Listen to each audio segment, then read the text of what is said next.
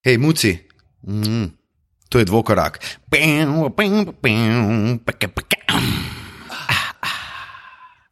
Ej, živijo, to je nov dvokorak, številka šest. Počasi se približujemo deseti epizodi, ko nam bo Tomiš dejansko dal podatke o tem, koliko smo poslušani. Upam, da nas čim več ljudi uh, posluša. Luka Šecin, Matija Kosmač, Tilen Lamut. Začenjamo torej novo epizodo podcasta. Preden pa začnemo z našim tradicionalnim haterskim kotičkom, pa moramo najprej shout-outat in mi se že spogledujemo, ker prvič tudi snemamo v istem prostoru na Koroški ulici. Ne, v bistvu ne, ni dobro, da povem, kje živim. Koroška ulica. In ja, snemamo prvič skupaj in moramo dati najprej shout-out enemu zelo uh, posebnemu uh, človeku, sicer zelo mladmu, ampak uh, NBA Hupster je na Instagramu, gre za mladeniča, ki je genijalen. Mislim, da se kar vsi strinjamo s tem. O, definitivno. In Zadnjič smo šli uh, iz petka na soboto, oziroma v petek uh, smo šli v kviz, ne v Zagreb, na kviz, uh, MBA kviz, ki ga prireja uh, vsak petek. In mislim, da se vsi strinjamo, da je to vsaka čast, kakšno vprašanje in iz kje vleče neko MBA analitiko. Mi se imamo za neke, recimo, temu, uh, take kafanske MBA strokovnjake, ne, ampak smo prišli tja. Sicer smo zasedali peto mesto, če se ne motim, od približno 12 ekip. 12 ekip, kar niti ni slabo. Uh, zadnja ekipa je bila sicer ekipa Klemna Prepeliča, kar je bilo zelo zanimivo in cela kafana je v bistvu na slovence ja, ja. pogledala. Uh, čeprav uh, mi smo bili ekipa uh, hashtag Smallballs. Um, ja, in mislim, da gre velika, velika pohvala NBA Hupsterju, sledite ga na Instagramu, kot tudi seveda nam ustvarjalcem tega podcasta. Um, zdaj pa v bistvu tako, ne? Tilan, Matija, kaj sta počela v zadnjih dneh, ali vaju je sploh v zadnjih dneh spremljala NBA košarka? Ja, nekaj malega pa, no, vsaj rezultati, highlighti, to vrstne zadeve so definitivno. Bile prisotne, ne bom pa zdaj rekel, da sem si pogledal kakšno tekmo v večjem delu lete. Ja, se lahko pridružim. Jaz sem v zadnjih dneh zasud z delom v moji novi službi, tako da nove stvari v mojem življenju in moram absorbirati, ponotraniti moram te stvari. Zdaj. Malo več povejo o svoji novi službi, no? če si se jih pohvalil. Ja, sej se je že govorilo veliko o tem. Ne? Ne, Vsakič si lahko vrgel to naprej. Vrgel sem se v PR vode, se pridružil Tilnu Namutu, ostajam sicer v športu. Ko pa bomo videli tudi kakšne rezultate mojega dela, se bom pa pohvalil. Jaz sem recimo nekaj časa na uh, časopisni hiši Delo delal in tam smo rekli, da je PR-ovstvo najnižja oblika novinarstva. Komentar? Absolutno zgrešeno mnenje. Mislim, da je v sodobnem času vse bolj podobno novinarstvu. Jaz se s tem precej strinjam. No, in se mi zdi dober PR, se mi zdi boljš kot slab novinar pri nekem resnem mediju, oziroma pri nekem velikem mediju, ne resnem, glede na to, da je vedno več neresnih medijev. Bi pa še dodal, ne, da bi te dve disciplini morali delovati z roko v roki. Ne? ne smemo preveč, mislim, moramo ločiti PR in novinarstvo, ampak če oboji in PR-ovec in novinar delata skupaj, za, da je vsem prav, so rezultati lahko fantastični. Ok, šesta epizoda, zelo lepo si povedal. Ja, res je lepo povedano. Odobravamo. Uh, odobravamo. Uh, šesta epizoda in šesti tradicionalni haterski kotiček. Prvi ima besedo Matija. Jaz se bom navezal na začetno temo in sicer, da smo se odeležili kviza v Zagrebu in bom hejt uh, namenil najbolj seb, pa tilno. No? Um, in sicer bom tilno namenil hejt, odpravili smo se v petek 15:30. Mislim, ja, Mislim, da sem zdaj že, zdaj sem že re, rekorder. Sem potem, lej, dvakrat sem se že znašel v hejtu. Ja, ja, rekorder, hvala. Obema, hvala. Naj elaboriram. 15:30 je bil predviden odhod iz slovenske prestolnice, uh, Tina Lamuce je zamudil na enem kosilu, uh, potem bil že na poti domov, in potem, ko je bil na poti domov, smo ga čakali še približno eno uro, in ob 17:00 smo štartali iz Ljubljana. No, zdaj gre pa hejt name in še drugič sem tudi jaz v hejt kotičku. Obakrat sem se sam nominiral. Če si pa lajkabel, noben te ne hej. ja, sej se moram sam. Glavnem, ne, jaz se tilen je tudi lajkabel. Jaz sem bil pa. Pa Luka, ti si tudi lajkabel. No. Hvala. Like. Jaz sem bil mož za volanom um, in deloma sem tudi jaz kriv, da se je zataknil na meji.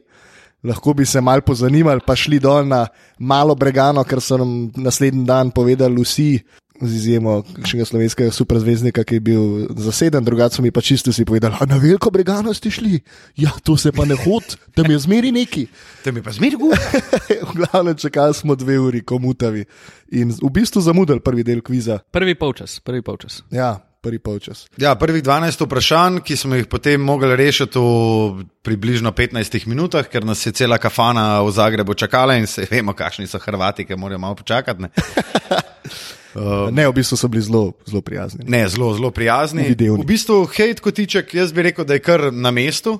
Um, Tilen, kaj pa ti praviš? Jaz bom pa vendar šel bolj v, v NBA vode in bom hejt namenil Los Angeles Lakersom, mogoče celo nisem si mislil, da bom kadarkoli to rekel. Ampak Lebronu Jamesu, ker zadnje zadeve, ki se dogajajo v povezavi z Lakersi, so kar uh, me motijo. No? Jaz imam mikrofon v roki, pa ne morem ploskati, ne? ampak biti plosko zdaj, ker No. to je kar mogočna poteza za Tina Lamuta, ki je tudi danes v Miami hit polovarju, ne boste verjeli. Tako, no, skratka, LeBron James se v zadnjem času, po mojem mnenju, ne obnaša kot bodoči Hall of Famer, mogoče celo The Goat, ampak bolj kot nek otrok, ki, ne bom rekel, da krivdo svojo, ker zdaj ni igral dober mesec, dokler se ni vrnil, ampak bom rekel, prelaga krivdo zdaj na kogarkoli, ali na trenerja, ali na svoje igralce, se mi zdi mogoče malo neresno, oziroma se ne izkazuje kot tak vodja, kakršnega poznamo v zadnjih letih.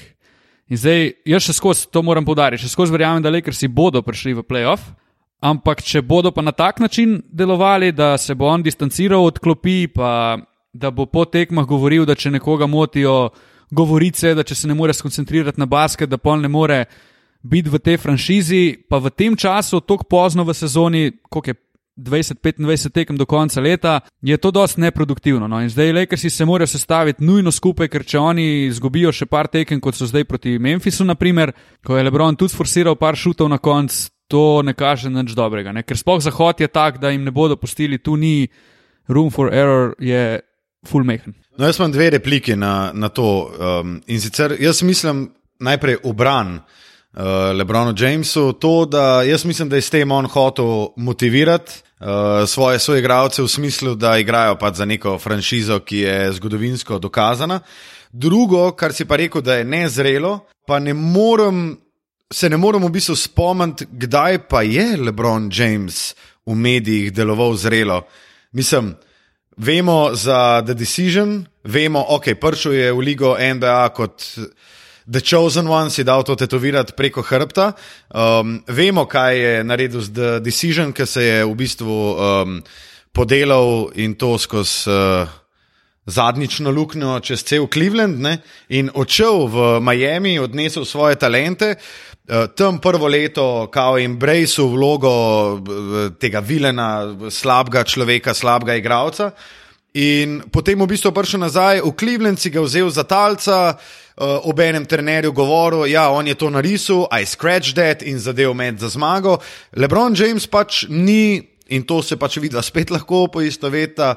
On sam sebi ne dela uslug v smislu PR-ja, oziroma v smislu neke javne podobe. Edino uslugo, ki si jo dela, je pač, da je res velik humanitarc, da da velik denarja v dobrodelne namene in da mu pač ni vsem za, za ZDA, oziroma za predvsem temnopolto um, družbo. Družbo se malo čuden sliši, ampak pač se veste, kaj mislim. Uh, drugač pa je, kar se mene tiče, LeBron James tekom svoje kariere vedno sprejemal takšne odločitve, tako da mene to sploh ni neki ful presenetilo. Ok, ampak zdaj si ti rekel, da je on pobrisal to, kar je David Blatt narisal, pa zadev šut. Ne? Zdaj imam pa vprašanje, če bi to isto naredil Michael Jordan, bi se mi danes pogovarjali o tem, on bi bil junak. Čakaj, to je vse v redu, da, je on to naredil, ampak ne greš potem takoj po tekmi do novinarja in reči. Um, sicer smo imeli eno drugo akcijo, ampak smo jaz rekel, ne, ne, tega mi nomo igrali. Sem vzel žogo in zadev šut. Točno to. Bod tih, da je šut za denga, pa bod z ekipo, pa bod s trenerjem, pa da mu podporo. Ne pa da greš ga rušiti v končnici s tako potezo. To, so, to se je meni zdel grozen. S tem, da je trener, ta trener, v bistvu iz te ekipe, ki je imel LeBron James Brown, izvlekel daleč največ, oziroma več, kot bi, verjamem, da bilo kateri trener. Se In, pa, pardon, še to. In ta scratch dead situacija je bila v bistvu samo ena izmed teh potez, ki jih je LeBron James uh, potegnil, zato ker pred to scratch dead situacijo vemo, da je bil The Decision, ker si je on vzel prime time na ESPN-u, pa v bistvu povedal, kam gre. Um, nekako tako, recimo, lahko bi se tudi navezal na moderno NBA, nekaj, kar zdaj recimo dela Dwayne Wade s svojim The Last Dance. Okay, tega ne bom več komentiral, mislim, da smo o tem že dovolj govorili, ampak realno, Bravo. Ja, je realno, lej, sam. lej, realno gledano, The Decision pa Scratch Dead situaciji sta bili ločeni med sabo pet let. Zdaj, si ne, to si pa moramo priznati, da LeBron James v tem času, odkar je on imel The Decision, ki je bil absolutno njegov največji fiasko v karieri, celotni, absolutno nepotrebna zadeva, ki bi jo lahko čisto na drugačen način spelo. In v tem času on je odrastel. Tudi una zmaga, un poraz proti Dallasu mu je dal pošteno misliti. Ja, in točen ta poraz proti Dallasu, kao novickega jebat, ne, zato ker je kao prehlajen, pa bolan. To ni, to ni znak odraščanja. Zdaj, ko si jih to omenil, propsi do, do Riversu, kaj je včeraj naredil. ne? Ja, to pa Ja, to pa res. ko je vzel mikrofon in povedal, da spremljajo enega največjih vseh časov, zato da je cela dvorana ostalemu zaploskala. Ni, niso to edine, ne? to so malce večji fiasko, ki jih je imel Lebron. Kaj pa, ko je rekel, nikoli več ne bom nosil številke 23, zato ker je nosil Michael Jordan, pa je prišel v Cleveland, pa je nosil 23. Pa ko je rekel celi ekipi, noben ne nos headbanda, zato ga tudi jaz ne bom, ker hočem biti v podporo svojim igralcem. Odigral dve slabi tekmi, bam, headband on. Mislim, polno enih takih odločitev je bilo, eh, no, mislim, kot PR-ovc, PR njegov je katastrofalen. Zdaj, ja, mu kdo tukaj celo kaj svetuje, zdaj, če mu to kdo svetuje, potem je tega človeka. Mislim, če v kaj ne dvomim, pa ne dvomim v to, da mu to kdo svetuje. Je pa res, da je on pač tudi odrasel človek, pa dosta Vse teh si on stvari sam vzame. No. naredi sam. Ne? Ja. Ampak še skozi moram priznati, da pač on je še skozi najboljši igralec v NBA-ju, zdaj pa mi lahko kjer ugovarja. najboljši Če... igralec v NBA-ju, jaz bi lahko mirno rekel po Michaelu Jordanu. Luka, nisem pričakoval tega z tvoje strani, hvala. Ne, jaz Lebrona občudujem kot košarkarja, zelo ga občudujem. No, vse zato je pa to mogoče malo čudno, ne? ker nismo bili vajeni, da v takšnem tekmovalnem smislu Lebron ne stoji za svojimi dejanji. ne. Zato, to. Ker v zadnjih dveh letih njegova obramba je katastrofalna. Njih včeraj je šel en video, je viralno eksplodiral je na vseh socialnih omrežjih, kako je stal šest metrov od svojega igralca, ki mu je zabol trico in ne, da bi dal glavo dol, šel po žogo v avto in izvajal, ne, razširil roke in gledal svoje igralce. Točno to. In To so stvari, ki me bolj zmotijo. ne. To je tudi ena stvar, ko, ko Lebron reče playoff mode activated. Se pravi, on v napadu, ok, mogoče bo šel še 50% v bolj agresivno uh, podobo svojo v napadu, kot je bil, ampak playoff mode activated pomeni, da on dejansko začne ob, obrambo igrati do neke spodobne mere. Ampak je pa tudi res, da se pa pol zgodijo take tekme, kot je bila zdaj naprimer ta proti Memphisu, na katero se skozi naslanjamo, ker se pa njemu zgodi, da pač še skozi ne igra te obrambe. Ne?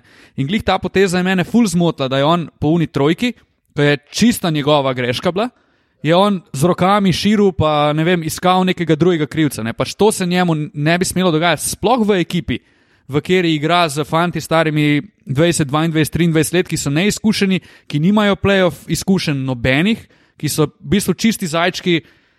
In tu on mora biti vodja, bolj kot je bil mogoče tudi celo, ko se je vrnil v Cleveland. Ja, jaz bi klej v bistvu še dodal eno opazovanje. Ne? Eh, Za Lebrona v bistvu pravimo že, da se on, odkar je prišel v Ligo NBA, ni ustavil, ne glede na to, koliko je, koliko je star. Jaz pa lih mislim to, ne? da je ta obramba in tudi uh, njegova percepcija obrambe, ker on se je včasih imel za zelo dobrega obrambnega igralca. On je recimo štiri leta nazaj rekel: Meni manjkata dve stvari v življenju, v moji karieri, in to je, da sem najboljši obrambni igralec lige in da proste mete izvajam 85 posto. Ampak. Stari, tega mi nismo slišali od njega, mislim, da že zadnje tri leta. Ne. In on je v obrambi silovito padel, res je silovito padel, razen na trenutke, kakšne finalne serije oziroma konferenčna finala, on še pokaže, da res zna, eh, da res zna igrati obrambo, da ima feeling, da ima timing za nasprotnika, da ga zna dobro prebrati in da se dobro tudi pripravi v videorumu na nasprotnika, da dobro prebira njihove, njihove akcije. Sam zdaj tega ni več moč opaziti. Ampak lahko izzovem na eno zanimivo zadevo, ki jo je um, Zek Lov izpostavil in sicer pred časom v enem izmed svojih podkastov. Uh, govoril je o obrambi in ne o tem, kdo je najboljši obrambi, obrambni igralec v tem trenutku. Ampak, če morata sestaviti, pa bom tako elaboriral kot je on. Obrambno peterko, recimo, da igrajo zemljani proti Marsovcem in morajo rešiti zemljo in jo rešijo lahko z zadnjo obrambno akcijo. Tle se pa pogovarjamo, tle pa imamo Lebrona v obrambi, ne? verjetno. Pismo jaz ga nimam, ne? ampak to je ful, ful, dobra istočnica tudi za naslednji del, ki ga imamo in ga lahko v bistvu kar odpremo, ta naslednji del. In če bi jaz recimo mogel zbrati svoj, aj to all-time ali aktualno obrambno peterko, ki ti bran svet pred tem, da te marsovci naredijo. Glede na to, da se to zgodi v določenem trenutku, bi mogli imeti igralce na razpolago. Ne? Na razpolago. Ok, imel bi Kawaja na trojki, Džordža na dvojki, na šterki. Um, Puh, na štirki bi imel. Jaz se tle strinjam s tabo, jaz bi imel Antonija Davisa na štirki. Recimo. Na štirki bi imel Antonija Davisa. Za obrambo. Ja. Dej, dejmo mi, mi trije skupaj sestaviti sestavit, uh, obrambno, ki nas brani pred Marsovci. Jaz, pa, na, jaz bi pa bi dal Lebrona. A se strinjamo vsi? Jaz, tudi... jaz bi dal Lebrona mogoče na štirko. Jaz bi, jaz bi dal Lebrona na štirko, Kawaj trojka, pa George dvojka. Ampak govorimo trenutno. To se pravi, ne, ne Lebron pet let nazaj, ki se je dejansko trudil, ena Rambi, akcija, ampak danes. samo eno akcijo. Ena akcija, A Ja, ena akcija. Ena akcija. Space Jam varianta. Ja, okay, ja, okay, pa bi dal jaz tudi Lebrona na štirko. Ne. Pa na petico, Rudija. Rudi Gober, po mojem, trenutno. No. Ali pa novozelandski junak, Ja. Steven Adams. Mislim, jaz, bi, ja. jaz bi eden sedal, za, da mi postavi en dober blok, ne, Pa- kar je pa sicer bolj v obrambi, ne, v, oziroma v napadu, kot v obrambi. Jaz bi dal mogoče raje Rudija, no, ker je Mičkan daljši. Ker ga eh, Tomjanoviča.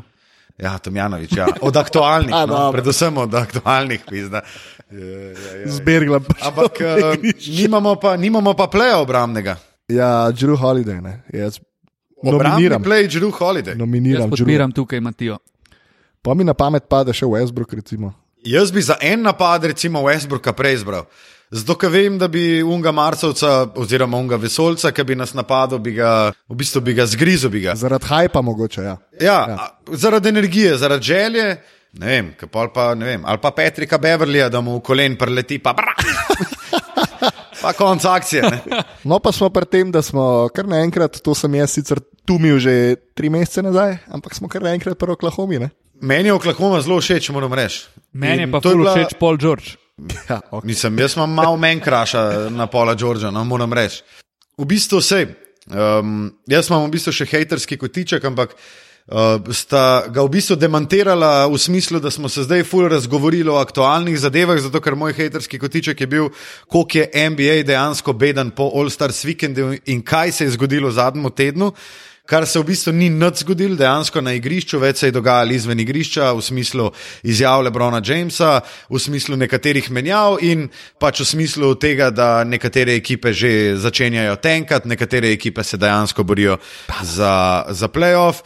Uh, edin mogoče tak čist uh, quickie haterski kotiček, Nick Nurse, um, nedeljska tekma proti Orlandu, on je pol ure pred tekmo skrečil Kawaja Leonarda kot rest, um, didn't play zaradi počitka, kao da um, nadzoruje njegove minute, workload.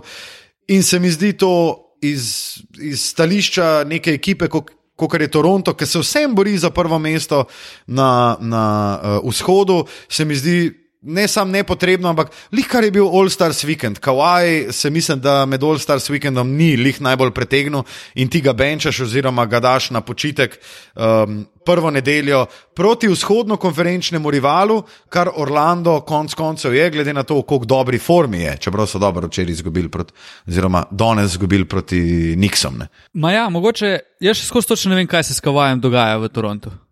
Ker letos so bile, ene par je bilo takih čudnih potez z njegove strani, pa kar nekaj ni igral, naprimer tako kot ta tekma, ki si jo zdaj omenil. Ne. Tukaj se mogoče še skozi ene čudne stvari dogajajo in ni niti Toronto prepričan v Kavaja kot long-term franchise playerja, niti Kavaj ni prepričan v Toronto. No. In tu mogoče, ne vem, jaz ne kupim glih teh nadzora teh minut. No. Jaz pa ga kupam. No. Mislim, ni igral back to back, je jasno, celo sezono še ni odigral back to backa. Jaz mislim, da so oni ful pazljivi pri tem, koliko igra, pa proti komu igra. Tako da Mogoče ima tudi Kawaj pri tem besedo, no? glede na to, koliko je, zdaj ne vem, koliko je to res, je bila ta poškodba res tako huda ali je hotel samo iz San Antonija. Ampak, če je imel že tam toliko besede pri tem, pa da hoče drugo zdravniško mnenje in tako naprej, mogoče je tudi tukaj ista situacija in reče, le, malo me zateguje v mišici, ne bi igral. In Toronto, po mojem, v tem primeru, če je tako, kot si jaz mislim, dela dobro, ne? ker mu bodo ugodili vse njegove želje samo zato, da naredijo dober ran v playoffu in da konec koncev imajo dobre možnosti, da ostane. Ok, eno vprašanje.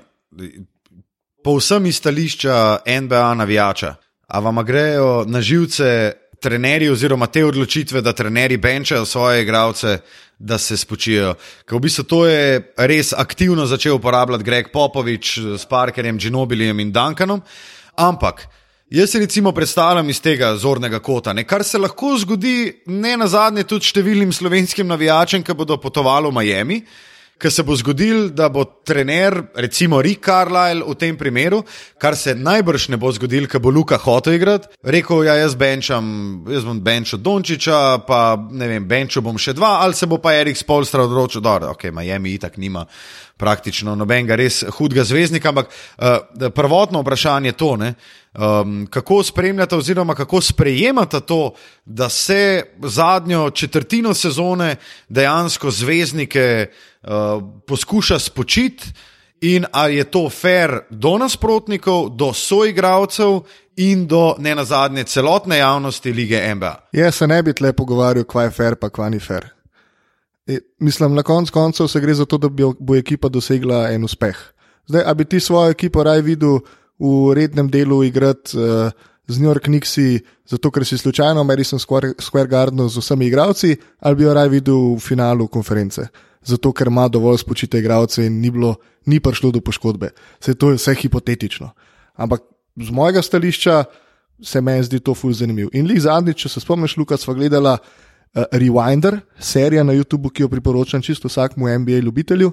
In sicer je bila tam uh, tekma, šesta tekma, ki je realen zadev za Miami proti San Antoniju. In na parketu je bil takrat za San Antonijo Boris Dio, ki je pokazal, da je mogoče celo najboljši branilc za Lebrona Jamesa na tekmi, ko San Antonijo, ko sta San Antonijo in Miami igrala v rednem delu in je uh, Greg Popovič takrat benčil celo svojo začetno peterko in Boris Dio je odigral ene resne minute in pokazal, da lahko igra proti Lebronu. Tako da po drugi strani tle trener lahko odkrije čist nekaj novega, čist po nesreč mogoče. Ja, mislim, da je to podoben Steve Kerr uh, z Igijem, uh, ki je v bistvu bil v prvi peterki kar naenkrat, čeprav celo sezono ni povohal prve peterke. Ne. Ampak ne, jaz sam gledam to iz stališča, ne vem, jaz sem zdaj slovenc, ga rad malo spijem, grem na Brnk, se odpeljem do vem, Londona, prestopam, se odpeljem do New Yorka, prestopam, se odpeljem do Miami, pridem tja in mi recimo, ne vem, Lakers igrajo ali pa ne vem, Toronto igra, pa jaz hočem videti Kawaja, hočem videti Lebrona, hočem videti Davisa, hočem videti Westbrooka, pa mi nekdo to vzame. Veš, mislim, jaz sem to tako gledam, izključno iz stališča navijača nič drugega, ker jaz razumem, zakaj jih valjda restajo, ker jih morajo, ker je v, še, v šestih mesecih 82 tekem odigrati je bolano, to je nehumano. To je bil pa zdaj ne. To je pa več kot humano zdaj. Umestni jingle. Intermico. Jaz bi se tukaj navezal, kar se tiče z vidika navijača, absolutno nehvaležna poteza do konca. Ampak se v overall mnenju o tej temi se pa definitivno pridružujem Matiji. Ker en navijač, ki pride iz Slovenije za kogarkoli, nima nobene veze. In tudi jaz, kot navijač, mi bi bilo full bad, če bi šel v Miami na tekmo, pa ne bi niti Gogi, niti Luka igrala, mi bi bilo grozno. Ampak v končni fazi end goal je playoff, je prvenstvo, je ne vem, finale vzhoda, v glavnem dober, viden rezultat. Ne? In tudi vsak fan bo bil navdušen nad svojo ekipo, če bo ona igrala playoff. Ne? ne bo bil pa ok, un trenutek, un dan ne bo bil navdušen, ne? ampak bo verjemi, mislim, jaz upam, da, verjamem, da bo pozabil na to, če bo na koncu svojo ekipo lahko gledal v playoffu. Ne? In tukaj je nekaj, na kar imajo trenerji to pravico. In takrat, ko se je to dogajalo, predvsem San Antonijo, ne Duncan, Ginobili, Parker, ko so kar sedeli cele tekme, pa so prišli igrati, ne vem, proti tudi glavnemu rivalu, ko je zdaj, naprimer, uh, Nurse benčal Leonarda. Ne. Popovič je znal to narediti proti vem, najboljši ekipi, največjemu konkurentu za No, prvo je mesto. Ne. pri Golden Stateu to naredil. Tako. In to, naprimer, je diskrecija trenerja, in če se on za to odloči, lahko tudi išče neke rešitve, mogoče ponudi na ta način priložnost nekim igralcem, ki drugače igrajo manj, kot je Matija omogoč, uh, povedal. Ne? Ampak, zdaj bi pa še eno zadevo rekel. In sicer bi se navezal na to, kar se je zdaj dogajalo z Lukatom po, po All Staru, ki je dve tekmi, mislim, da manjko zaradi poškodbe gležnja. In tu imam eno hitro vprašanje za oba, lahko en ali pa dva stavek za odgovor, lahko pa tudi sem da ne. A mislite, da dala stenka? Ja. Ja. Ja, Dallasu, Dallas dobi lahko top 5 pik, ne, če ne dobi top 5, ker ima protektanga, gre pik drugam. A mislite, da Miami tenka? Ne, meni se zdi, da Miami ne tenka. Ja, sem slab. Ja, Ja, se je. Povprečen, Ne. no. Kakorkoli pogledaš, sorry, ne glede na tvoj polover in tako, ampak jaz mislim, da bo Miami zelo prav prišel tudi zdaj, Gogi, ki se bo počasi vrnil, zato da vnese neki malo mirnosti, kaj te indijanci pri Miamiju zdaj. To, mislim, to je, to je neorganiziran basket, kot ne vem, na neki rekreaciji. Mislim, neorganiziran. Se Erik Spolstra je zelo dober trener. Ampak to je zelo, zelo težko zagledati, zato ker pri Miamiju, ki ga gledaš, nikoli ne veš, kdo pije. No, kdo meni se plača. zdi Miami čist izgubljeno. Čist, čist se mi zdijo izgubljeni, nimajo identitete, so v tem valu One Last Dance. ja pa tako, kot smo govorili, eh, to so igralci, ki so približno enako plačani, pa niso tako dobri, kot so plačani. Ne. Ja. In zdaj O nimaš. čemer bomo tudi govorili v nadaljevanju podcasta. O, ja. O, ja. In nimaš ti ene hierarhije, niti izdelane. Ne? Ok, wait. Je mogoče zdaj tisti, ki se ga rine v spredje, ampak se ga rine v spredje zaradi tega, kar ste že povedali. Ampak ja, potem pa hierarhije ni več, potem je pa Točno to, je zase. problem, točno to je problem. Oni so hoteli narediti takrat z Whitesideom, ko so ga podpisali long term, da bo on bil franchise player, vse se skupaj se je izkazalo, da je bilo bolj, da bi ga včeraj tradali. Ne? To je bila lih na prelomu, ne? ko se Tako, je igra čisto spremenila, tako. so oni podpisali Whiteside za pet let. Tako, to je bil en misstep in zdaj se oni lovijo okrog tega. Ne? Poleg tega imajo še ogromno nekih preplačenih igralcev, Tyler Johnson je sicer šel, ampak imajo še dosti tega za reči. Ja, imajo še Kellyja, Olinika, James Johnson, Hasan je konec koncev preplačan. Ok, za Dragiča ne bomo rekli, da je preplačan, zato ker Ne, sej, v bistvu, imamo radi. v Da, bistvu Waiters. Gogi je, ne, pa Gogi je tudi. Waiters. Uf, waiters, Jezus, Gogi, Marija, Gogi, waiters. Gogi je tudi podpisal pogodbo, preden se je salary cap dvignil. Ne? Se pravi, njegova pogodba Točno ni to. toliko vredna, koliko bi bila, če bi jo podpisal dve leti zatem, ko jo je. Ne?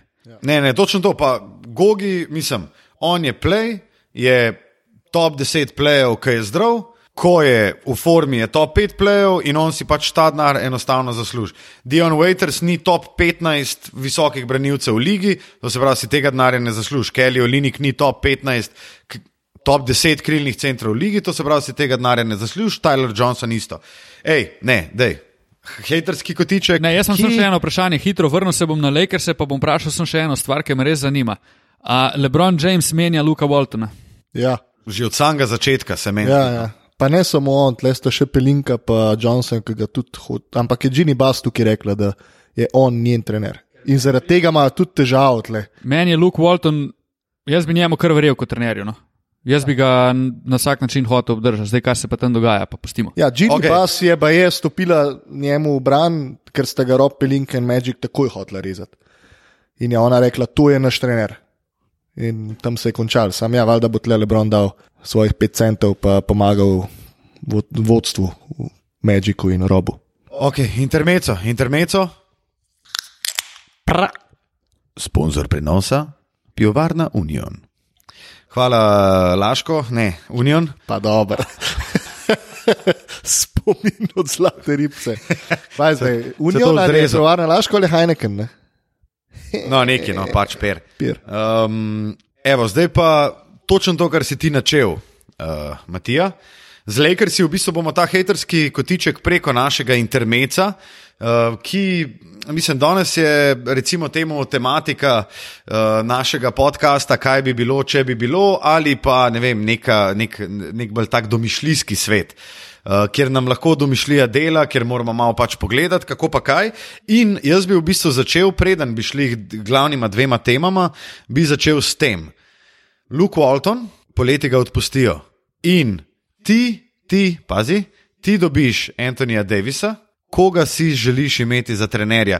In lahko izbereš kogarkoli, ki je na pogodbi, ampak samo da je aktiven trenutno v ligi NBA, oziroma da je v zadnjih treh letih um, treniral eno izmed moštev. Uh, to pomeni, da so lahko kao zdaj upokojeni uh, trenerji ala Kevin McHale, ki je treniral Houston, pa je zdaj kot nek analitik. Tako. Ja, tle točno vem, na koga ciljaš. Ne? Jeff Van Gandhi mogoče? Prosim, ne, lahko prosim, je tudi aktiven ja. pri kateri koli ekipi. Postavo, da je analitik. Ne? Prosim, ne reči Tajlu. Ne, jaz bom rekel, uh, kar suvereno, bom rekel Steve Kerr. In to zaradi tega, ker je včasih NBA trener, to so sami povedali, ne rabi biti tako dober trener, kot kar mora biti dober politik. In tle je Steve Kerr vrhunski. V tem, kako. Itak imaš ti okoli sebe, v njih šest pomočnikov, en ti naredi napad, drug ti naredi obrambo, tretji naredi eno, tretji naredi tretjo. In ja, tukaj imaš enega, ki je faca, ki gre pred novinarje, ki ščiti svoje igralce in ko konc koncev drži kemijo znotraj moštva, tako kot mora biti in to dokazuje že vrsto let. Če lahko berem kogarkoli iz lige NBA, definitivno Greg Popovič. Jaz bi se strinjal, jaz sem tudi imel Grega Popoviča, ampak imam en pomislek glede tega. Ne? Jaz sem LeBron James, sem najboljši košarkar zadnjih 15 let, oziroma 10 let, če smo čisto iskreni pride Greg Popovič, ki ima vedno zahtevo, da se, da se igralec podredi ekipi. Jaz, če sem LeBron James, če imam tak ego, tega ne morem narediti, ker si ne morem sam sebi pomagati in v bistvu uničujem tudi nek reputation. Enega najboljših trenerjev vseh časov, in jaz mislim, da Greg Popovič bi tam ugotovil, žal, da je, da je, da je Mička nemočen, da se ne, mo, da se ne more s tem, tem bockati. Da mi povej zadnjega, ki je bil tak egomanjak pri San Antoniju in da je obstal več kot tri sezone. Luka, spomniš, nisem rekel, pa se razburjaš. Ja, ful je dobra ta dinamika, ki skupaj sedimo in se sam pogledamo, in že je tako ogrožen, da se počutimo. Ta, ta, ta, ta pogled je bil star, tako pa kvati govoriš. Jaz se čist strinjam. Ne? Jaz mislim, da Greg Popovič v vseh 29 ostalih inštancah vzame Grega Popoviča. To je edina, v kateri vzamem Steva Kara. Mhm. Ne, jaz pa mislim, se on zdi gladko najboljši. Jaz pa mislim, svetu, da v tej ampak... problematiki, ki si jo ti zdaj omenil, je pa respekt strani enega in drugega tako velik, ja. pa skupaj sta delala v ameriški reprezentanci, da to pa mislim, da res ne bo težava. Tukaj se vidi, kdo ima res red Lebrona Jamesa. Ne? Tu se ja. pa upam trditi, da ne je bila težava. Jaz pa mislim, da bi bilo. No. Jaz sem tudi bolj za težave. Upam, da bomo to videli. Ja, najbrž ne bomo. Jaz pa upam, da ne. Grega ne, ne. Jaz upam, da ne zaradi Grega Popoviča. Gregor, ja, Gregor to, Popovič hočem, bo ostal v San Antoniju. Ja, pa jaz, ne, jaz hočem, da on pač tudi po tej sezoni lahko gre mirno v pokoj in bo on za me eden največji. To se zna zgoditi. Bi pa, bi pa izval, ne? Greg Popovič je rekel, ko so ga vprašali pred leti, kdaj bo zaključil kariero, je rekel 20 minut. Potem, ko bo konc karijere znano, Tim Duncan, bom jaz imel svojo novinarsko, bom rekel, da sem zaključil. Kje si zdaj, Gregor? Ja, on je Aldridge obljubil, da bo z njim do konca njegove pogodbe. Ne? Ja, la Marko smo noro vračali. Ele je pa nori igralec, ne igra. Oh, noro mu vrača. Z obrestmi. Um, ja, ok. Uh, gremo naprej pač v ta domišljijski, uh, domišljijski svet, glede na to, da se nič ne dogaja v Ligi NBA in da moramo malo z našo domišljijo delati. In sicer prva kategorija od dveh, ki sem jih dejansko pripravil za tokratni podcast, je sestavi svojega idealnega, aktualnega igralca. In sicer izbiramo pet kategorij.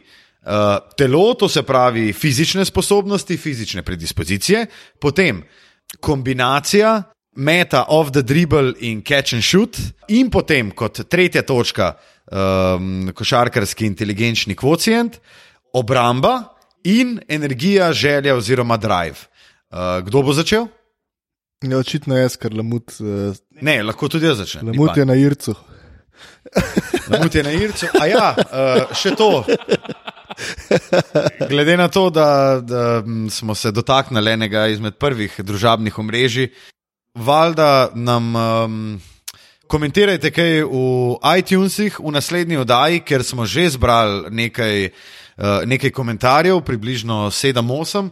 Bomo vse komentarje tudi prebrali.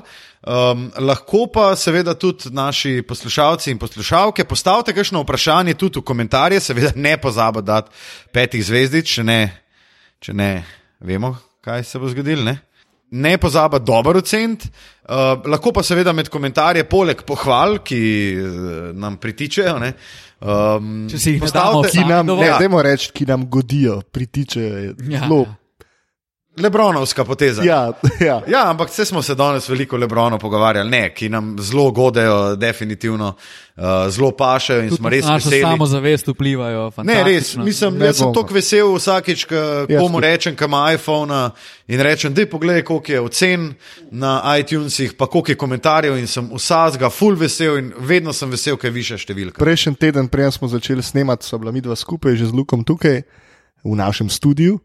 In uh, nekdo nam je pisal, tik prej smo začeli snemati, in Luku, in meni. Jaz sem ga po nasredi skenslu uh, na Instagramu, tako da se upravičujem, očitno sem na robe pritisnil in fus sem se slabo počutil še dva dni. Um, upam, da mi oprostiš. Ne, sta bila dva, uh, dva različna. Dva različna, ampak jaz sem ga skensl, ti si mi odgovoril, jaz sem pa ne vem, kva pritisnil. Ja, ker smo ful- ali začenjali. Ful, ful, ful smo hvaležni Ja. vsem, ki poslušate, ki komentirate, ki nam pišete na Twitter, ki nam pišete na Instagram in tako naprej, ki se srečamo kdaj in nam rečete, hej, smo poslušali dvokorak. To, ki je bil gaden, ali pa to, ki je bil dober, in res, res, fulje dober, da lahko uh, v bistvu s katerim koli, ki ga srečaš na ulici, dejansko eno dobro rečeš v NBA-ju. Dobili smo pa tudi že nekaj dobrih predlogov za teme, ne, ki jih uh, Ful. bomo, ukolikor se bo ta beden NBA, kot mu sam praviš, nadaljeval, definitivno tudi obravnavali v naslednjih epizodah. Ja, glede na to, da smo prejeli kar nekaj predlogov, um, jaz tudi predlagam, da eno izmed naslednjih oddaj naredimo kao predlogi poslušalcev. Imamo, recimo, imeli smo par vprašanj, sicer o aktualnih temah. Um, nekdo je na Twitterju meni napisal, pa se upravičujem, bom takrat, ko bomo to um, analizirali, tudi povedal ime. Recimo, dal en zelo dober predlog. Kdo ima najslabši tatu v Ligi NBA? Tak, sicer Super mičken- predlog, res je. Ja, Mičken rumenoslovja spet, ampak fantastičen predlog. No, in evo, gremo zdaj v to, to domišljijo, ki jo bom v bistvu uh, začel kar jaz. A lahko dam ime temu poglavju današnjega podcasta? No, dej. Dvokorak fantasy. Ne, zato ker, bo, ker bodo ljudje mislili, da uh, igramo mi fantasy uh, na Yahooju ali pa ESPN-u. veš. Ja, vse ti ga, ne? Ja, jaz ga ne. Ja, no, kaj pa govoriš. Pa haram. Ne, v bistvu ne, slab sem, kot svina. Um, ok, to se pravi, sestavi idealnega aktualnega igralca. Telo, fizikalije, uh, fizične sposobnosti bi jaz dal Lebrona Jamesa. To se pravi, kombinacija meta um, off the dribble in catch and shoot bi dal, oprosti, Tilan Kevin Durant. Basket IQ, to je bila v bistvu najtežja odločitev, ki sem jo imel. In sem mogel mičken svojega bruhanja pogoltniti nazaj, ampak bi rekel Chris Paul. Čeprav je daleč, daleč najbolj antipatičen igralec v ligi, No, to glih ni res. no kdo je bolj antipatičen, da mi Ja. ja. pove. Enega prej si ga omenil že. LeBron James. O, vedno se isto dogaja, vedno. Če pa Kris Paul bolj antipatičen, kot pa največji nergač v ligi NBA, Kevin Durant, pa pa tudi. Si pa lahko roke podata, ker si ti največji nergač dvokoraka. To pa res. Pa, Uh, dobro, ok, basket IQ, Chris Paul, obramba aktualnega igralca, govorimo, PG, PG-13, energija, želja, drive, Russell Westbrook.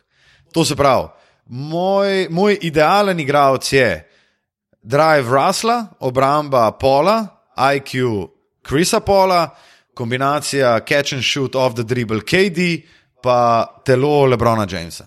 To je tako, to je, da imaš žival, pa da je v bistvu telo dinozaura, glava leva, teče hiter kot leopard, gepard, rep ima nekega, ne vem, nekega aligatorja, ki te zašama, pač ko vsema, vsema. To je pač tak hid- hibrid, da če vidva ne sestavlja iste, iste ekipe, bo malo razočaran. če sem Boš malo zameril? Ja, Mička bo zameril. Ja, Zameril. boš ti. lahko jaz. Dajmo začeti pri telesu. Sem mu strinjal, bom tudi jaz bral Lebrona. Sicer Hvala. sem pomislil še na Janisa, ampak je Lebronovo telo bolj preverjeno. Potem imamo šut, Stef Curry. Ne, Ja, kombinacija pustiš, da catch and povem? shoot. Ja, Stef Ok. Curry. Uh, Pol imamo naslednjo obrambo, Um, da je obramba ja, ok. kawaii, pol imamo IQ, IQ. ta je težka, ne? ta je full težka. Ta je najtežja. Ja.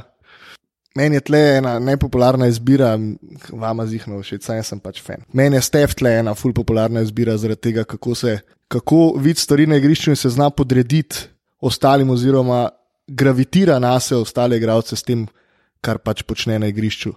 Um, ampak ja, ne vem, Jokič. Uh, full, full Dobra, evo. dobra. Prav. In pol imamo še kaj? Pa imamo pa še A, drive, ja. energija, želja, drive. Ja. Ja, tle je pa težko pogledati mimo. No, ne, zato da ne bom isto. Ne. Patrick Beverly. Oh, Ja, ja, ja.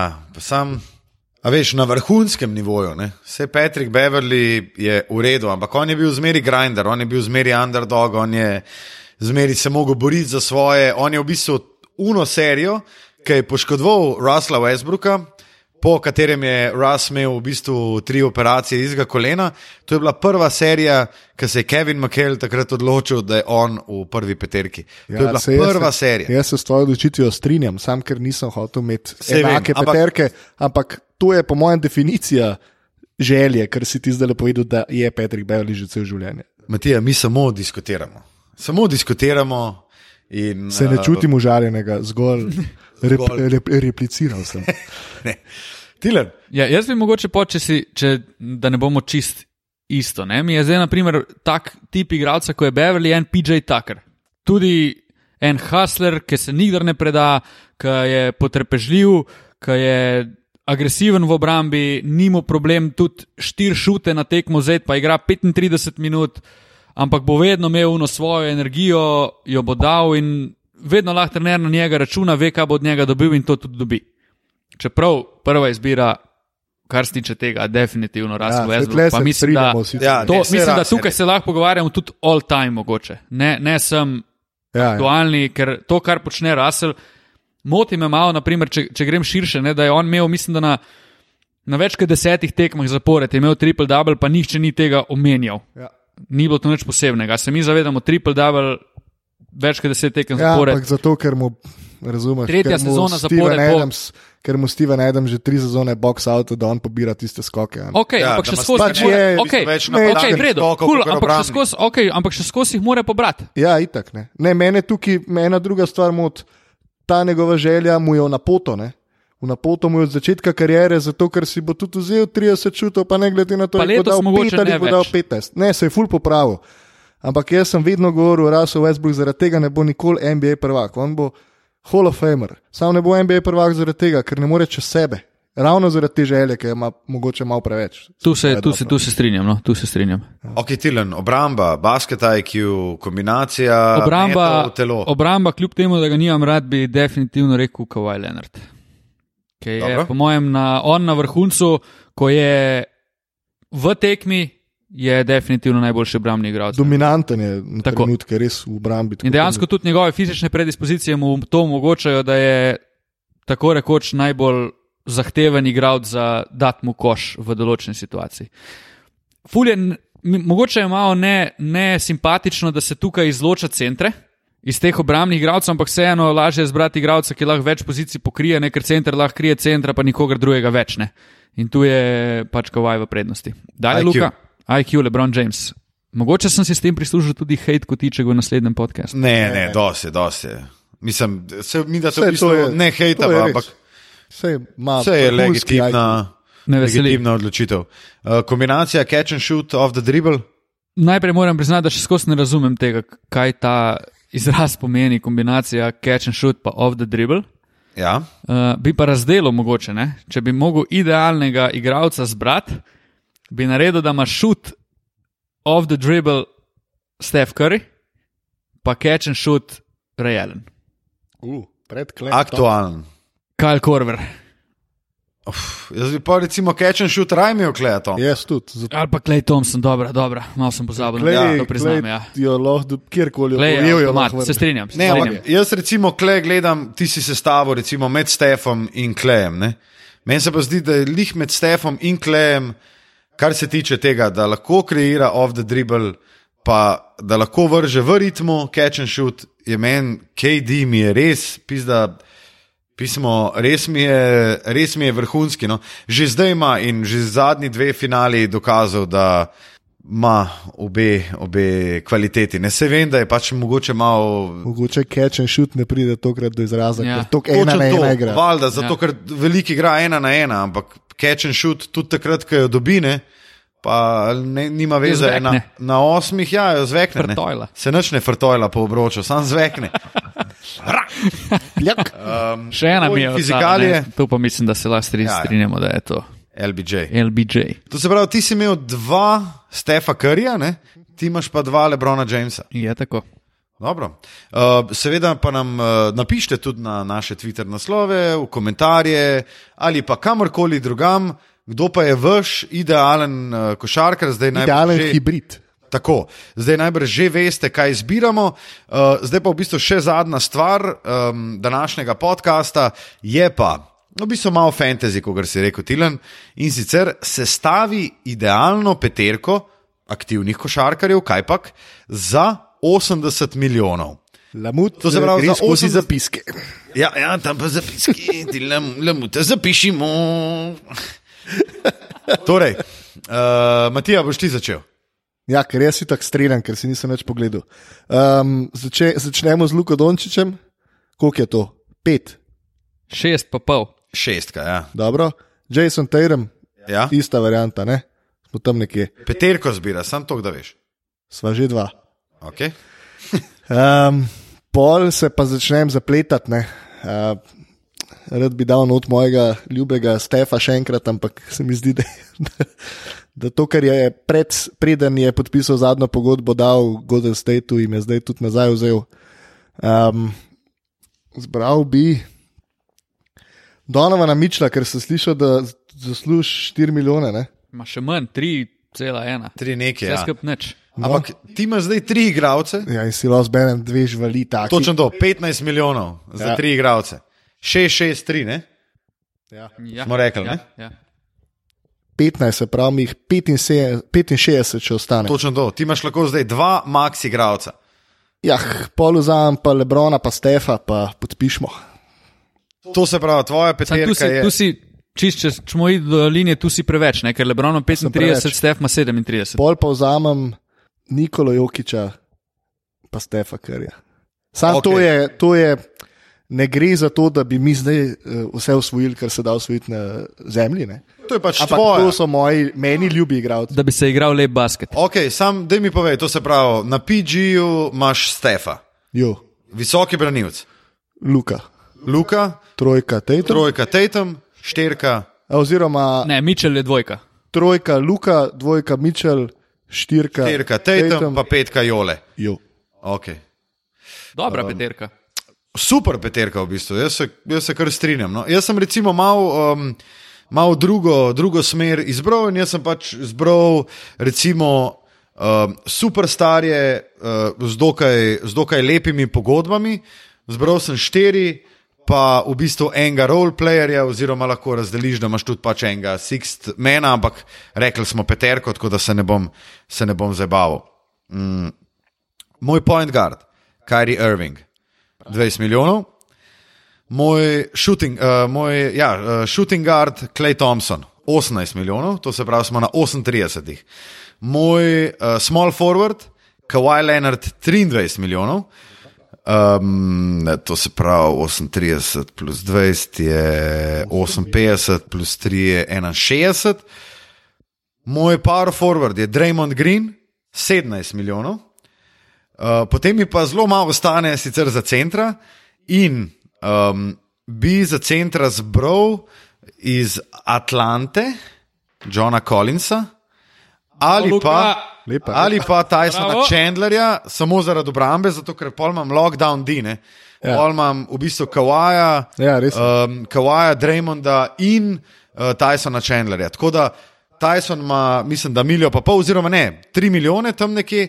In samo iz tega vidika, zato ker imam lockdown, di peterko, bi se odpovedal Donovanu Mičlu za 3 milijone, čeprav je to kriminal, da ga ne vzame za 3 milijone. Ampak uh, tole ne bo všeč always Tilu Lamutu, ker si se v napadu la- naslonil na Kyrija Irvinga. Ne?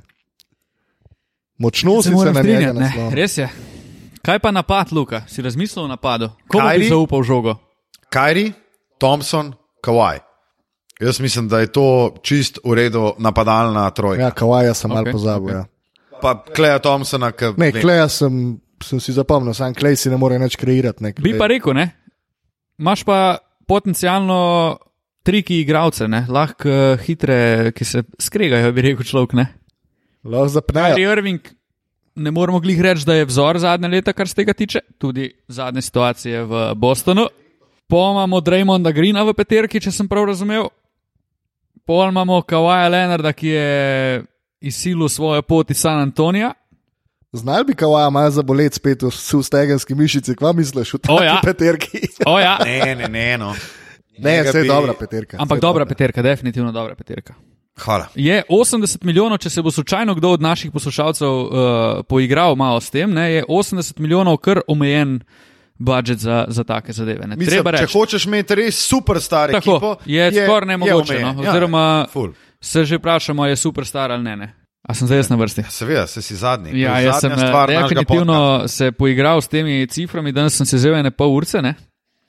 In imam ene par opcij, ne? ampak Absolutno. če bi moral vzeti, bi si mislim, da umislil sledečo peterko. PG. Mešanica, ne, nimam, ne, ne, nimam. APG, point guard. A. PG, ok. Point guard, Young, Uh, Kokma. uh, uh. 5,3. milje. Noro, ok. Okay. Ful zanimiv začetek. Luka Dončić, Ja, LeBron James, ja. Čak, čak, čak, to kar govor. 5 plus 6, plus 6, plus, Plus. 35, Se je človek 35. pol ure doma vzel, vada izračunal. no. Ja, ne vem, če je. štirka Kristaps Porzingis, 5,7 in pa petica Anthony Davis, 25. Samo tole čez kalkulator vrže naš. mislim, da mi še za enega solidnega sixmana, Ja, ti bi imel za to. Jaz imam Eh, še za- 77, Donovan Mitchell, 6. Donovan Mitchell je še moj sixth man. Ne? Dobar, ne, ne, Je ne pa gre. res, ne bom pa sam sebi dal kritiko, ko sem pa sestavil to peterko, ne sem se pa malo zamislil, pa sem si rekel, ok, Porzingis vprašanje, koliko glede na poškodbe, itd., super igralci, upamo, da, da bo res fantastičen, ampak je vprašanje. Ne? Lebron je že malo star, ok, Davis, upamo, da ga bodo poškodbe, se ga zdaj izognem v nadaljevanju, medtem ko mislim, da pač Luka itak. Pa Trey Young, glede na to, kaj kaže v svoji prvi sezoni, bi znal konkretno napredovati, pa biti ti imaš- res dosti solidni igralec. Po mojem mnenju imaš zelo riskantno peterko. No.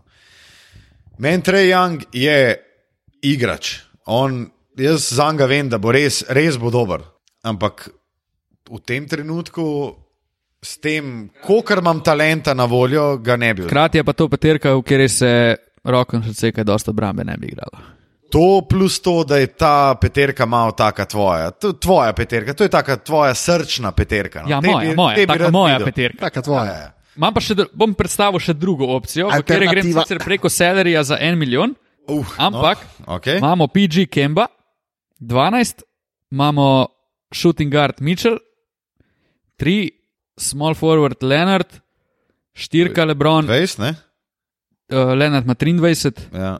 uh, Lebron ima na 4 35, pa center Anthony Towns Ti si- 7 ti si vzel- 7,8. Ti si vzel Karla Antonija Ja, če mi je svalilo denarja. Anthony Towns. Dobro, Keta je vzel, čeprav je največji hater Minnesota vseh ja. časov. Ne. Še tipsa bi izpisal iz ZDA. Um, ja, dobro, um, seveda nam tudi vi pošljete izziv, dvokorak izziv. Rezime tega bi pa rekel, zahtevno je delo GM-a. Ja, definitivno. Je pa dvokorak izziv za vse naše poslušalce in poslušalke, da nam pošljajo tudi, poleg svojega idealnega uh, košarkarja, aktualnega, tudi uh, idealno, aktualno prvo peterko. Uh, in bomo mogoče najbolj zanimive, oziroma tiste, ki bomo videli, da so dejansko najboljše, tudi uh, v naslednjem podkastu, malo prebrali in mogoče malo podebatirali. Uh, v bistvu edina stvar, ki nam je še ostala, je pa to, da povemo, kje smo. Matija, kje si? Matija Kosmač na Twitterju, Facebooku in Instagramu, obljubim, da od zdaj naprej ne kensla več folka po nesreči in sprejmem vse in vsakogar, razen unih punc, ki imajo full številko imenov, pa ti napišejo, hej, how are you. Kaj dobiš, kaj dobiš prošnjo, da ti lahko pošlje sporočilo, hej, Havarijo, pa v Baju tu piše, da se fulerada slač. Ful dobro. Ja, Tilen Lamud, glede na to, da si ti zelo eh, dejaven na Ircu, prosim, poh, prosim da eh, dekleta oziroma fantje z nadimkom pohod na 14 ne pišejo. Imel sem tudi MSN v življenju, ampak Ej, sta trenutno pa glasuj za me. jaz Ne. nisem. Jaz tudi ne. Jaz tudi ne. Dobro. Fajn. Tudi na MySpaceu si bil. si Ne, bila na jaz nisem MySpaceu? bil, jaz sem si nisem nekaj naredil, sam Jaz nisem čudno je zgledal vse skupaj. Tako da, kada nisem bil. Torej, Tina Namut na Twitterju, Instagramu in pa Facebooku. Obljubim, da bom bolj redno začel odpisovati na vsa sporočila na Twitterju. To je moja zaveza do naslednjega podcasta. Luka, kaj pa ti? Uh, Lukas Tucin na praktično vseh uh, družabnih omrežjih. Vključno uh, z MySpaceom in podobnim. Ne, MySpace nisem imel, Tilan povedal sem ti, da ga nimam. um, ja, na vseh družabnih omrežjih, kjer smo vsi trije zelo veseli vaš, uh, vašega feedbacka, ocen na iTunesih, naročite se, RSS uh, in mislim, da bo hudo uh, tudi v nadaljevanju našega podcasta. Pripravljamo enih par zelo, zelo posebnih gostov. Um, Ki bodo res zelo posebni. Pa čeprav vem, da sem posebni že trikrat rekel, ampak so res zelo posebni, pa zelo bo zanimiv. Pa tudi en poseben dogodek je v uh, povojih, Ja, ja. Tako. Več o tem pa mogoče ko bo znano, kaj v roku 14 dni.